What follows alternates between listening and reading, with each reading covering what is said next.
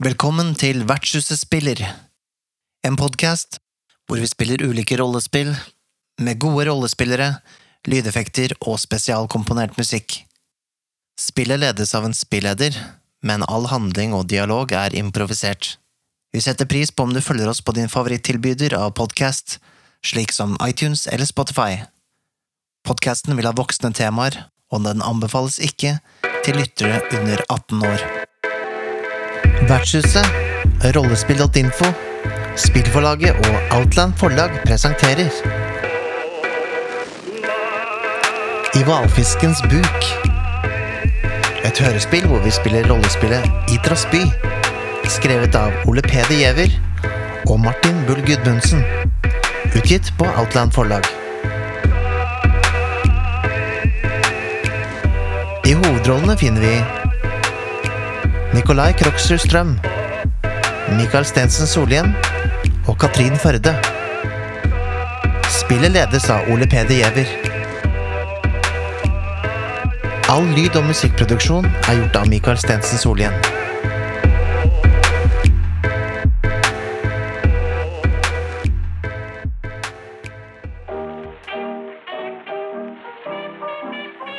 Itras by er en by som minner litt om Oslo eller Bergen for 100 år siden. Det er menn med hatter, det er kvinner med flotte kjoler, det er eh, hester på brolagte veier. Automobilen har så vidt begynt å gjøre sitt inntog. Det finnes damplokomotiver. Det fins telefoni. Det fins ikke fjernsyn. Men i kinematografens mørke så kan man se skumle stumfilmer med forvridde kulisser. Men like under denne hverdagslige atmosfæren så finnes det også en annen side ved Itras by. Midt i sentrum av byen så strekker månetårnet seg til værs. Og der sitter edderkoppgudinnen Indra og følger med over eh, byen. Her har man gale vitenskapsmenn og stolte eventyrere som reiser ut i det som heter randsonene for å eh, oppdage hva som finnes der. Randsonene omgir byen som en, som en slags tåke. Jo nærmere månetårnet man kommer, dess mer stabil er virkeligheten. Men eh, når man kommer lenger ut, så, så forvitrer selve virkeligheten og blir mer drømmeaktig. Itras by er et sted hvor drømmer og mareritt kan bli virkelighet. Har dere noen spørsmål om settingen? Nei. Nei, egentlig ikke. Eh, Det er litt sånn, jeg har, det er sånn Før jeg legger meg, så har jeg ingen spørsmål. Da lukker jeg øynene, og så ser jeg hva som skjer. ikke sant? Ja. Nei, jeg, jeg, vi, vi har jo eh, For jeg har jo vært eh, på tur i Itras by tidligere. Og det er, jo en, det er jo som en drøm, som du sier. Så det er litt sånn Hvor tar drømmen eh, oss? Eh, Det er det som er spennende. Er du noe spørsmål? Nei. Jeg bare gleder meg til å komme i gang. Jeg ingen spørsmål. Jeg gleder meg til å utforske denne byen. Ok? Jeg kan gå gjennom reglene. De er forholdsvis eh, enkle. Vi bruker eh, to kortstokker. Det er handlingskortene og sjansekortene. Handlingskortene brukes hvis det er eh, noe hvor det er spennende å se om rollene lykkes eller mislykkes. Altså hvor det vil gi en, en interessant retning for spill. Da, eller en, hvis man snubler litt, så kan det være gøy. Så vi trekker ikke dem for alle mulige bagateller. Men, eh, men hvis det er litt sånn skjebnetunge valg, eller hvis det virkelig står noe på spill, så kan det være gøy å bruke de. De er f.eks. ting som Nei, men du får vite noe viktig. Du klarer ikke det du prøver på, men du får noe viktig informasjon. Eller nei, men du får ikke til det du prøver på, men det skjer noe annet positivt isteden. Ja, det er liksom gangen i, eh, i disse kortene. Og de trekkes eh, når dere foreslår det. holdt jeg på å si. Hvem som helst kan foreslå at nå trekker vi et handlingskort. Og da er det den spilleren hvis rolle forsøker å gjøre noe, bestemmer hvem som skal trekke kortet på deres vegne, og tolke det. Så, og det kan være spilleder, men det kan veldig gjerne være en, bare en medspiller. da prøver å begrense det til ett handlingskort per scene. For disse har en tendens til å skape en del ringvirkninger og, og løse tråder og sånn. Og vi prøver å spille litt ut de ulike konsekvensene før vi trekker nye kort, sånn at det ikke blir sånn der tsk, kaskade av handlingskort. da. Når du ønsker å injisere liksom et element av surrealisme i handlingen, Og det kan være fordi du syns det passer seg med spenningen i, eh, i scenen. Eller det kan være hvis du kjeder deg litt. Eller det kan være hvis du bare syns det virker gøy å gi en liten sånn twist. Så kan du trekke et sjansekort. Og det er f.eks. sånne ting som Din fortid innhenter deg. Noe rollepersonen har gjort tidligere i livet eller i kampanjen, får konsekvenser her og nå. Fortell hva dette kortet betyr, og hvordan fortiden innhenter deg. Er det da du som trekker sjøl, som skal tolke det? Nettopp. Ja. På, på de kortene så, så gjelder det at uh, det er den som trekker det selv, som, som tolker det. Ja, ok. Eh, og det gir deg litt sånn spilledermakt. Og det er hvor mange kan trekke Er det én per eh, spiller i løpet av spillet som kan trekke? eller sånn? Det er egentlig regelen, men pga. formatet vårt så lurer jeg på om vi skal utvide det til, til E1, men to hvis, hvis det passer sånn. Eh, fordi dette vil bli delt opp i, i flere episoder, selv om vi spiller i en sitting. Ja, så det vil føles som en kampanje å, å lytte på, ja. Mm. Ja. De er også litt, litt sånn pacing-mekanisme. ja. Kult. Nei, men eh, flere sjansekort, det- det er bra, det. Reglene for, eh, for spillet, eller metoden for spill, ligner mye på, på andre rollespill. Vær sjenerøs med din oppmerksomhet. Gi andre en mulighet til å bidra. Hvis du ikke liker en bestemt idé, så prøv heller å tenke hva kan jeg legge til for å få denne ideen til å funke for meg. Vær sjenerøs med dine egne ideer. Legg til biroller, steder, historie. Fortell oss hva, hva det er. Det er stor åpenhet for at dere selv kan introdusere biroller dere kjenner, eller noe historikk du har med en annen rolle, eller lignende. Hvis du er i tvil, så kan du si hva rollen din gjør, hvordan de reagerer eller føler seg. Når du vil tolke kortene, men også i spill, så bare stol på den første ideen som plopper ned i hodet ditt. Særlig hvis den skremmer deg litt eller virker bisarr. Bygg videre på andre spilleres eh, ideer. Vis gjerne til, eller bring i spill ting som tidligere har vært eh, fortalt eller nevnt. Beskriv omgivelser eller biroller, og stol på kortene. Dere har eh, laget roller i forkant av, eh, av spill. Stemmer. Hva heter din rolle, Mikael? Eh, Min rolle heter Iver Gulliksen. Jeg er litt sånn nervøs kontorist. Um, Jeg jobber for Bolgman Blyg, han er min arbeidsgiver. Um, Jeg har et aldri så lite problem, og det er da en av mine dramatiske egenskaper. Jeg er eh, nemlig kolonisert av småfolk. Det vil si at kroppen min eh, Jeg har annet en, en by eh, med småfolk under venstrearmen. Hovedstaden er i håret mitt, og diverse. Dette skjedde etter en fuktig natt nede, på, nede ved Sortvika, under en brygge. Så lå jeg der og sov, for jeg har også et alkoholproblem.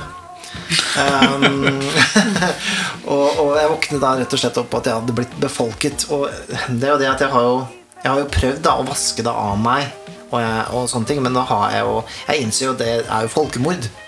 Ikke sant? Jeg drukte, det ble syndeflod for dem liksom, hvis jeg går og tar med meg bad. Så, så dette skaper store problemer for meg, og, og mye dårlig samvittighet. Um, de hvisker meg i øret over forferdelige ting jeg har gjort. og sånne ting, ikke sant? Um, så det jeg prøver nå å finne en annen løsning på dette her. Uh, jeg går jo da til min, min lege om mine problemer. Han er den eneste jeg fortel, forteller alt om. Da, eller forteller dette om mitt sjenerende problem. Uh, Dr. Salvesen. Uh, han har gitt meg noen kremer og sånn, men jeg, jeg føler på at egentlig det bare gjør ting verre. Um, mitt andre problem er jo da mitt alkoholproblem. Uh, problemet utarter seg av at uh, alkohol snakker til meg. Og eneste måten å få alkoholen til å, til å, til å uh, holde kjeft, er å drikke det opp, rett og slett. Uh, så det er jo ikke sånn Jeg, er jo ikke Jeg føler ikke jeg er avhengig av alkohol, men, men rett og slett det, det holder aldri i munnen, da. Jeg er på etterskudd med leia. Jeg leier eh, et rom i Josefine Strås eh, hospits. Eller hva er det, Ben Breakfast, eller hva skal vi kalle det? Pensjonat med bar. Pensjonat med bar, ja. ja. Ikke sant? Jeg er litt bakpå med leia der. Um, og jeg prøver å, å Jeg er jo en sjenert fyr, og, men jeg, jeg, jeg trenger et forskudd fra min arbeidsgiver snart. For, det, for ellers så går dette rett strakt åt helvete, rett og slett. Um, så ja, det føler jeg Det, det er Iver Gulliksen i et nøtteskall. Du spiller egentlig kanskje tusenvis av folk, du, siden du har disse småfolkene som bor på deg. Ja, jeg gjør det. Jeg har også en, en tanke om at uh, hver av disse Hva skal jeg si folkeslagene innenfor småfolket Det er at det er liksom spanjoler under uh, en Og så er det liksom franskmenn på, ho på hodet. Og litt sånn, ja. La oss uh, høre litt om Iver Gulliksens arbeidsgiver, Bolgmann Blyg. Ja, Bolgmann Blyg eh, er jo meget glad i de gode ting i livet. Champagne, østers, eh, ting som er fettete og man kan eh, putte i tryta. Han eh, går alltid med en stor dress som han fyller til randen med kroppen sin. Eh, men er det én ting han er mer glad i enn champagne og østers, så er det penger. Penger, investeringer, forretninger. Alt som har med det å gjøre. Og eh, det er godt han har en eh, regnskapsfører han kan stole på. I hvert fall så vidt han vet. Han er jo Hans dramatiske egenskap er rett og slett at han er kvalmende rik. Han har så mye penger. Han leter stadig etter lommetørklær i lommene sine for å tørke vekk svetten som uunngåelig kommer når han eh, vandrer rundt. Men han finner som regel bare en neve sedler som han tørker vekk dråpene med. Ja, Samme det. Har jo så mange av dem likevel. Uh, utenom det så er han jo eh, som sagt glad i de gode tingene i livet. Og han fikk tak i noen helt nydelige sigarer. Eh, det var en ekspedisjon som ble sendt ut av eh, et ekspedisjonsfirma ved navn Jæver Gudmundsen eh, ute i randsonene. som fikk tak i den mest sjeldne sigar som fins. Det, det smaker nydelig, men problemet er at man skifter kjønn når man, når man røker dem. Men det samme kan det være. Det er ikke så nøye med kjønn her i, her i Itras by. Forretningene kommer først, og gleden over det gode i livet. Når det er sagt Det er investeringer som kan gjøres. Eh, og jeg har eh, merket meg at uh, enkefru Bestalia hun sitter på en betydelig formue. Jeg trenger at hun investerer sammen med meg i noen av mine prosjekter. Hun, eh, hun eh, er stadig å finne på dette pensjonatet til Josefine Strå. Jeg skulle så gjerne kommet i snakk med henne.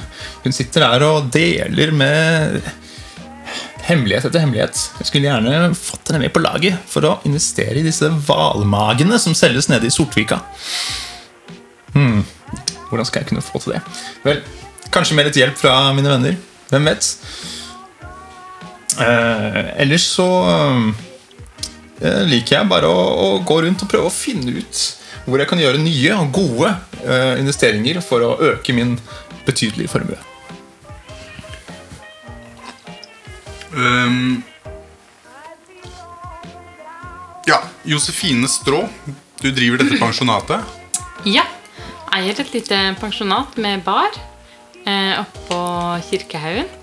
Eh, det er plass til eh, ja, mellom to og seks gjester. Mm, litt avhengig av kroppsfasongen og sånt. Det er, det er en trang bar.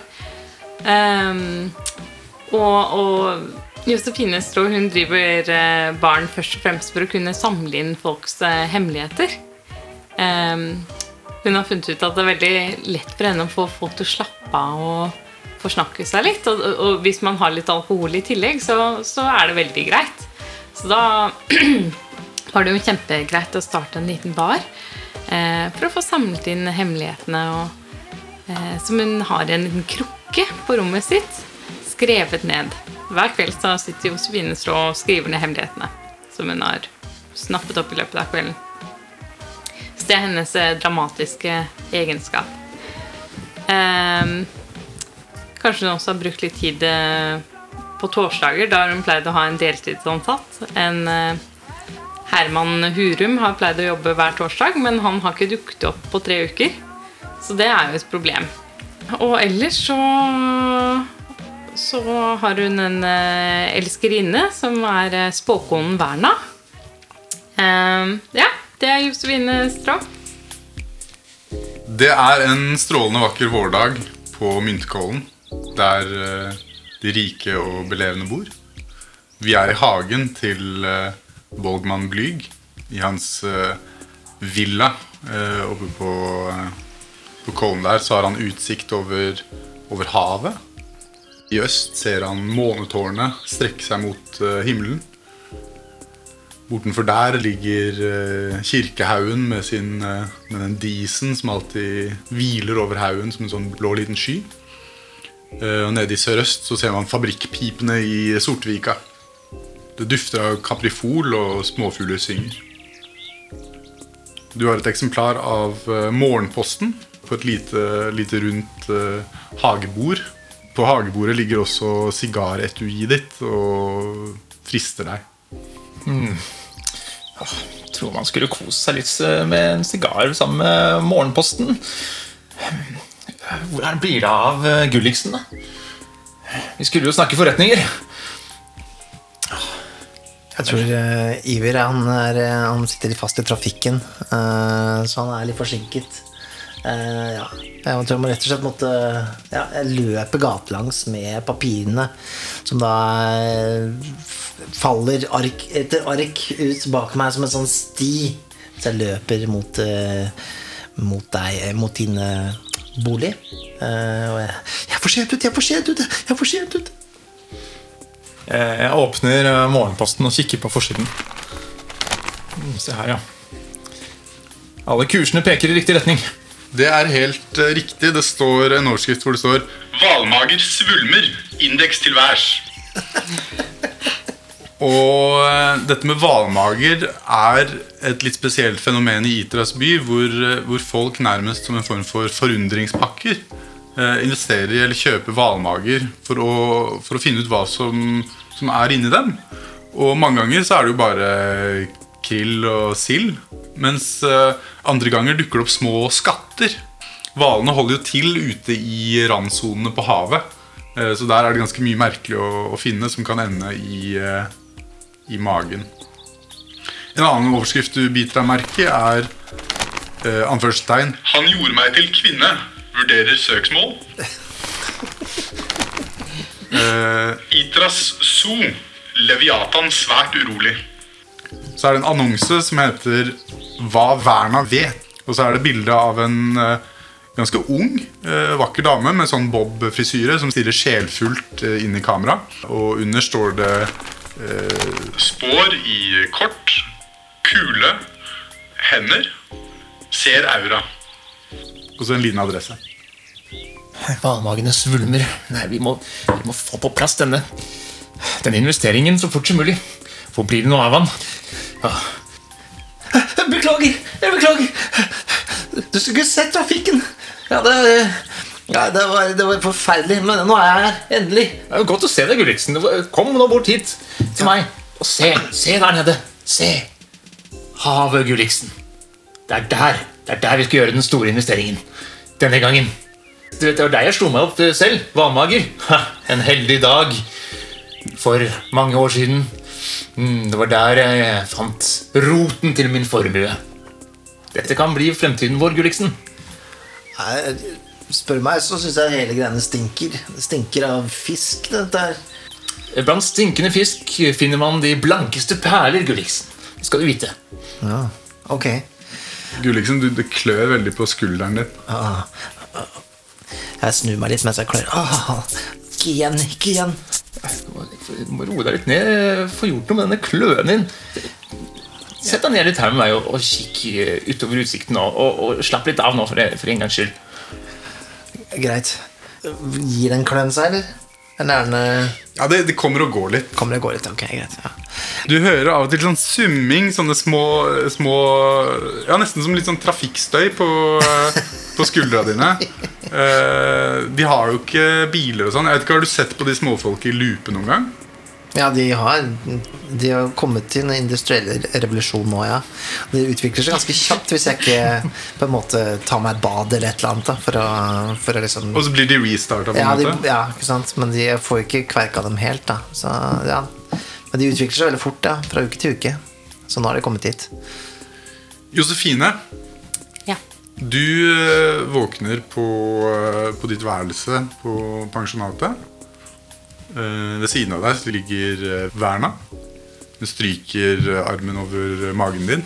Hun er en ganske flott dame som har lagt an litt den flapper-stilen. Hun har som sagt en liten sånn bob, bobcut og bruker ofte litt sånn mørk eh, maskara, dramatisk eh, sminke. Ja. Eh, og liker å gå i sånne for, for tidsalderen sett relativt korte skjørt. Man kan se anklene hennes. Hun, hun streker seg og sier Åh, jeg, jeg drømte så merkelig.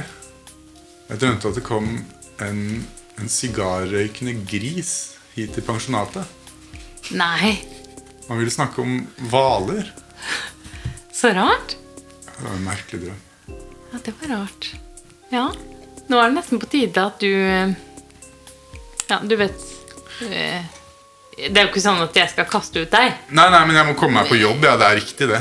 Ja, Hun, eh, hun reiser seg og, og går til vasken din og klasker litt vann i ansiktet. Stirrer inn i sine egne sjelfulle øyne og eh, blir stående litt sånn foran speilet. Og så, eh, så legger hun på litt sminke og eh, tar på klærne sine. ja. Og ønsker deg farvel og en god dag. I like måte. Jeg håper det blir mindre dramatisk enn det drømmen din tilsier. Ja. Uh, ja. Når du svarer meg sånn, så blir jeg alltid litt nervøs.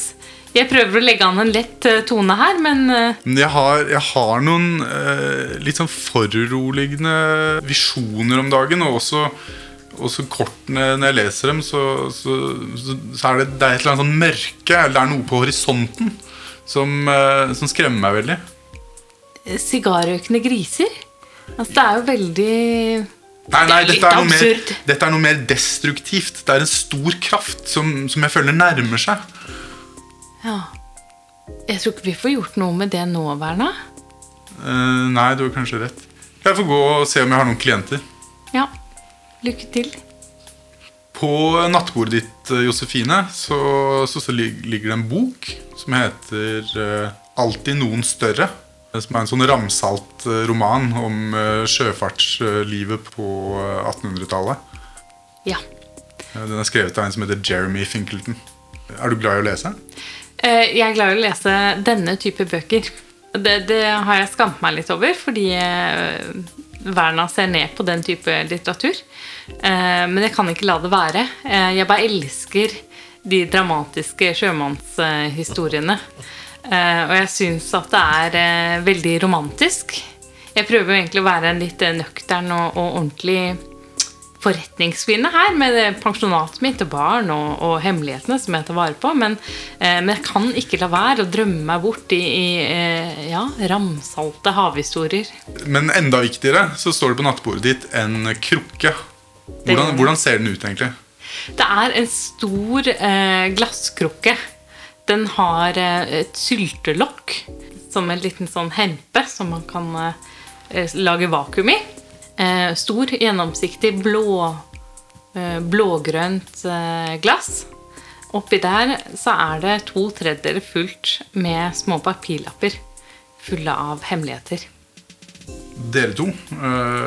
dere, har, dere har fått sortert litt i papirene og snakket litt om dagens agenda. Ja, Vi må finne enkefru Bestalia. Hun pleier å, å vanke nede på eh, denne, dette stedet til uh, frøken Strå, vet du. Ja, Borte ja. på Kirkehaugen. jo, jo, jo. jo. Ja, der hvor du bor. Ja, jeg vet det, så- men jeg, jeg prøver på en måte å holde meg litt sånn, Ja, eh, må vi, må vi dit? Den beste måten å tjene penger på er å, å blande forretninger og personlig liv. La oss komme oss dit med det samme, men vi må ha noe på veien. Janus! Janus! Din, eh, din butler kommer eh, gående med, med sin vanlige sånn formelle mine. Ja, min herre. Eh, Vi skal ut på et forretningsoppdrag. Eh, Men vi, vi er sultne begge to. Eh, Vi har jo ikke spist på lenge. Ikke siden frokost. Jeg har spist uh, for så vidt. Jeg, Men se på dem, da. De står står der og klør dem, og, og er ikke riktig dem selv. De trenger, Vi må ha noe østers. Eh, håndøsters. Eh, også hvis du kunne få brekke av noen krabbeben som vi kan ha i en liten, ja, en liten eske, så hadde det vært veldig fint, som vi kan ha på reisen. Eh, også noen glass Kanskje en kjølig kremant. Hva sier du, Gulliksen? Jeg vet ikke engang hva det, hva det Ok, ja. Ja, En liten kjølig kremant til reisen. Jeg skal se hva jeg kan finne min her. Hjertelig takk. Janus uh, Janus uh, går, uh, går inn i villaen. Etter ikke så lang tid så kommer han tilbake med en liten sånn piknikkurv som det stikker en flaske, flaske vin opp av. Og det dufter litt sånn svakt av sjø. Ja, En liten deilig sjøtallerken passer bra til oppdraget vi skal uh, inn på. jeg blir så urolig i magen av sånn sjømat, jeg. Eh, men eh, men ja, hvis du insisterer, så skal jeg, jeg kan ta litt krabbe, da. Ja. Ja, Smak nå på denne. Åh, mm, nydelig. Ja, Sug i deg, Gulliksen. Skal jeg be sjåføren kjøre frem bilen? Ja, gjerne. Eh, ta Rollsen denne gangen. Etter, øh, etter ikke særlig lang tid så befinner dere dere i øh, i øh, Bogman Blygs lekre Det er en limousin, er det ikke det? Det er en, eh, en Rolls-Royce-limousin. En slags miks. Ja. En, og den, den har elegante linjer og litt sånn avrundede felger og øh, Og den er sort. Ja, Den er sort med noen gullkanter her og der. Man skal da vise sin rikdom. Sjåføren din øh, Dex manøvrerer ned fra de brolagte avenyene på Myntkålen. Forbi øh, bøketrærne som står langs, øh, langs disse. Så kjører dere ned mot, mot sentrum, mellom kontorbygningene som er der, i skyggen av månetårnet.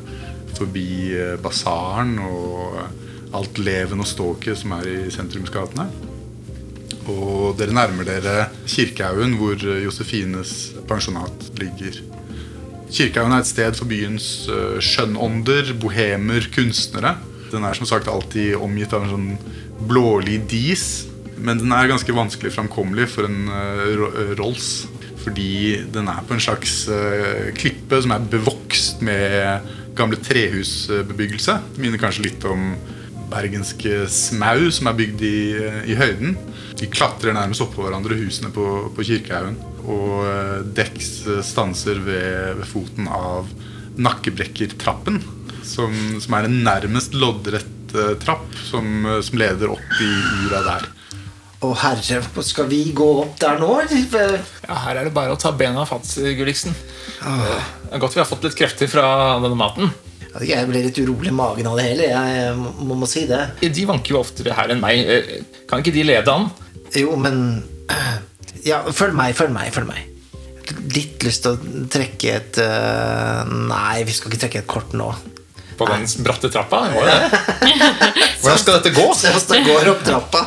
Eh, Da syns jeg du skal, skal gjøre det. Mm. Det er kanskje best om Katrin trekker eh, handlingskortet. ja. Ja. Og, og formålet er rett og slett å se at dere ønsker å klare å forsere Nakkebrekkertrappen. ja. Ja. Det er vårt mål. Komme oss til toppen. Ja. Helskinnet. ja. Så min erfaring med handlingskort tilsier jo at dette ikke vil gå. Så det blir spennende. Nei. Det gjør jo ikke det. Eh, Og det får eh, alvorlige konsekvenser. Så det som skjer eh, på vei opp der, er at eh, to tredjedeler opp opp i trappen, altså svette og andpustne, så, så blir dere angrepet av noen som hopper ut fra et vindu. Og kanskje ikke det var meningen å angripe dere, men eh, vedkommende prøver utvilsomt å stikke av fra et sted. Har hoppet ut av et vindu og treffer dere to. Eh, blir jo godt dempet av å treffe Blygs tykke kropp. Eh, så det blir jo en bløt landing. Og, og dere begynner å trille litt eh, nedover selv. Nei! Dere ruller ned eh, Nakkebrekkertrappen, eh, og denne flyktende personen ruller eh, sammen med dere. Han har eh, en sånn pilotlue i, eh, i lær som med to sånne stropper som dingler. Og en stor eh, pilotjakke. Og eh, vide eh, Hva heter sånne bukser? da? De er liksom vide ved lårene og stramme på, på leggene. Haremsbukser. Sånne haremsbukser. Ja, han har faktisk haremsbukser på seg. Eh, og, og dere sier sånn Uh, uh, uh, uh, ah, uh, nedover, nedover trappen. Jeg er utrolig bekymret for hvor mange småfolk jeg dreper eh, på vei ned. Ja, Du hører den der summingen blir nesten sånn litt kakofonisk. Ja. Eh, Beklager, beklager, beklager! beklager og så ender dere opp ved, ved bunnen av, eh, av trappen med han eh, karen oppå dere. Han reiser seg og gjør mine til å løpe av gårde. Jeg eh, prøver å liksom holde tak i han og si sånn Dette må du betale for! Du aner ikke hva du har gjort, men Hvorfor? Hvorfor gjorde du det? Slipp meg, sier han, og kaster av seg jakken som du blir, eh, blir stående igjen med, Ja. og, og løper av gårde eh, nedover gaten. Oppi det vinduet som han kom farende ut av, så, så ser du eh, en bister gardist. Altså politistyrken i byen. Mhm. Som kikker ut, uh, kikker ut vinduet og hytter med en batong. Ja. Og sier Stopp! Stopp den politiske uh, oppvigleren! Han dro den veien! Han dro den veien! Det kommer uh, trampende noen politifolk ned, ned trappen i, i taktfast steg. Og de kommer ned, og så, og så sier de Kjenner dere til den personen? Ville da aldri Au! Jeg ville da aldri mesket meg med politikk! Det er kun forretninger! Han er en meget farlig futurist. En eh, oppløper som har forsøkt å sabotere eh, lavendelfabrikker. Hva i all verden? Min konkurrent. Anders Lavendel. Vel, kom kanskje noe godt ut av det, i det minste. Ja, dere, dere burde være forsiktige med hvem dere omgås her i byen. Eh, futuristene er en, eh, er en meget eh, farlig bande. De, de sprenger bomber, de flyr omkring med sine små rakettinnretninger. De liker ikke den moderne utviklingen som har vært, og de mange flotte oppfinnelsene vi har her i byen vår. Føy, ja, vi, vi, jeg lover deg, vi menger oss ikke med sånt Det varte maks tre sekunder. Altså, men han falt jo på, og så, så forsvant han. Er jeg like hel? Jeg er ikke like hel, bare så det er sagt. Si meg, er det de som er, er ikke de, Har ikke de vært i avisen nylig? Uh, Herr Blyg, er det det? Eh, Stemmer. I egen person. Jeg leste i Morgenposten i, i morges at uh, Anders Lavendel faktisk vurderer søksmål mot dem. Altså Han er altfor opptatt av uh, kjønn, denne mannen. Uh, eller forhenværende mann. Han eh, Gardisten med sin Han har sånn grå, grå uniform og ser veldig bister ut. Og så sier han ja, de får passe dem litt for hvem de gjør til kvinne og ikke. Hvis eh, de hadde gjort meg til kvinne, så ville jeg blitt rasende. Det er huff. Nei, jeg skal, jeg skal være Jeg skal være blyg, eh, rett og slett, og holde meg, holde meg unna. Eh, Dere gardister, selvfølgelig. Jeg er den lovens mann, jeg. Ikke tenk på det. Han lar dere til sist eh, være i fred.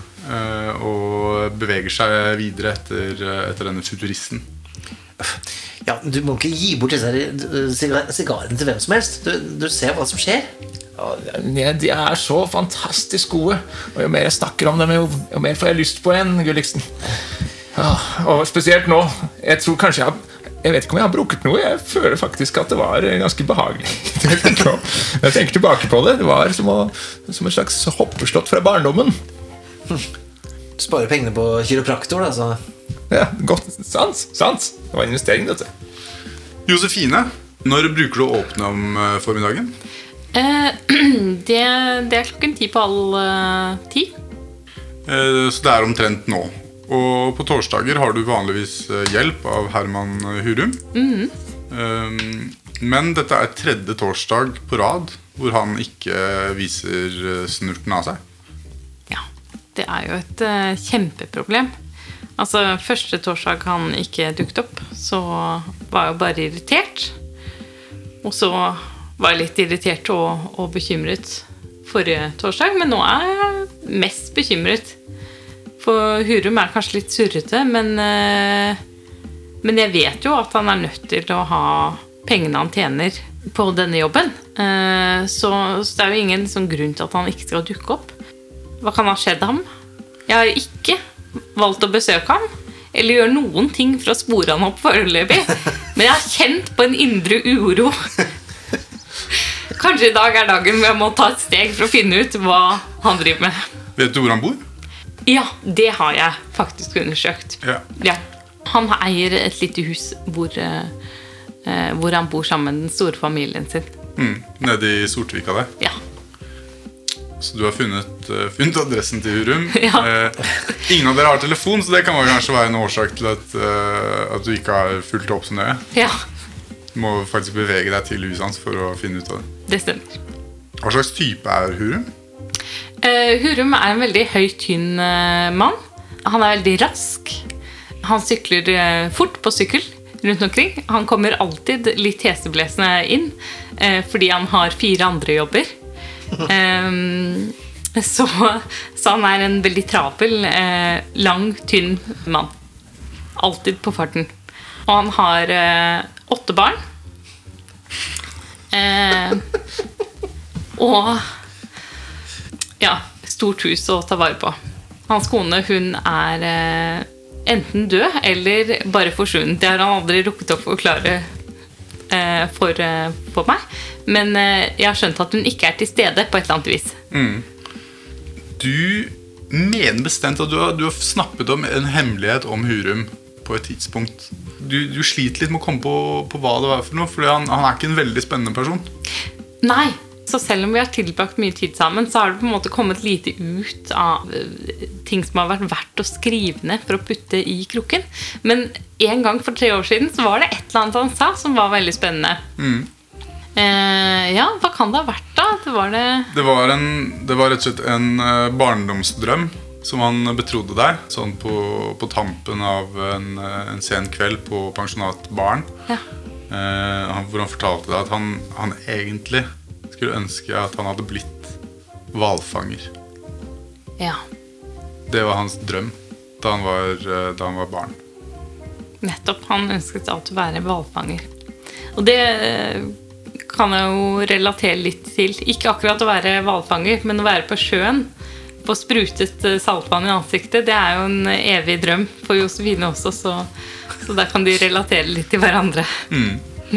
Jeg tror dere to, eh, Blyg og Gulliksen, eh, smått omsider vil nå frem til eh, pensjonatet.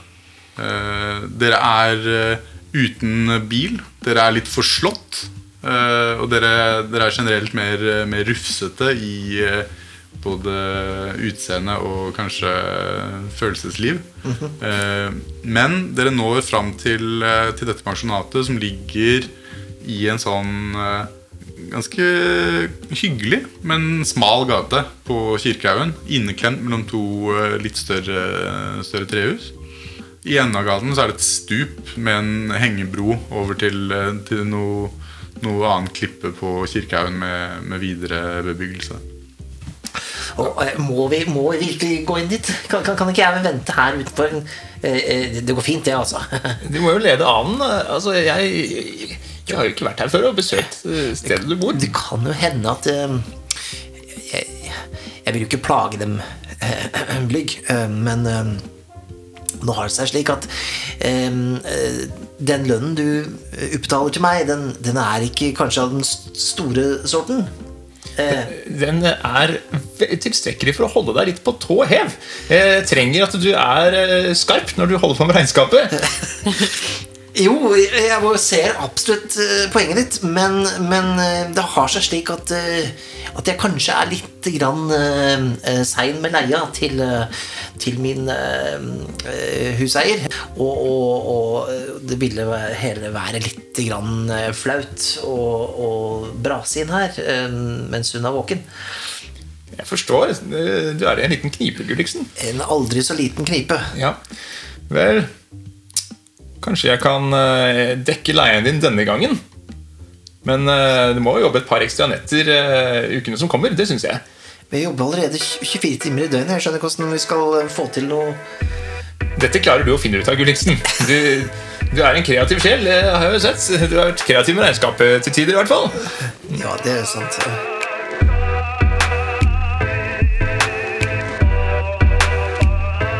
Åh, dette var sykt spennende. Ja, jeg veit. Skulle ønske jeg kunne høre neste episode allerede nå. Vet du hva? Det kan du faktisk. Hvis du ønsker å høre neste episode allerede nå, så kan du få mulighet til det gjennom vår Patrion. Patreon, hva er det egentlig? Jo, det er en side hvor du kan støtte folk som lager kule ting som du liker. Og hvis du vil støtte Vertshuset spiller, så kan du besøke patrion.com slash vertshuset.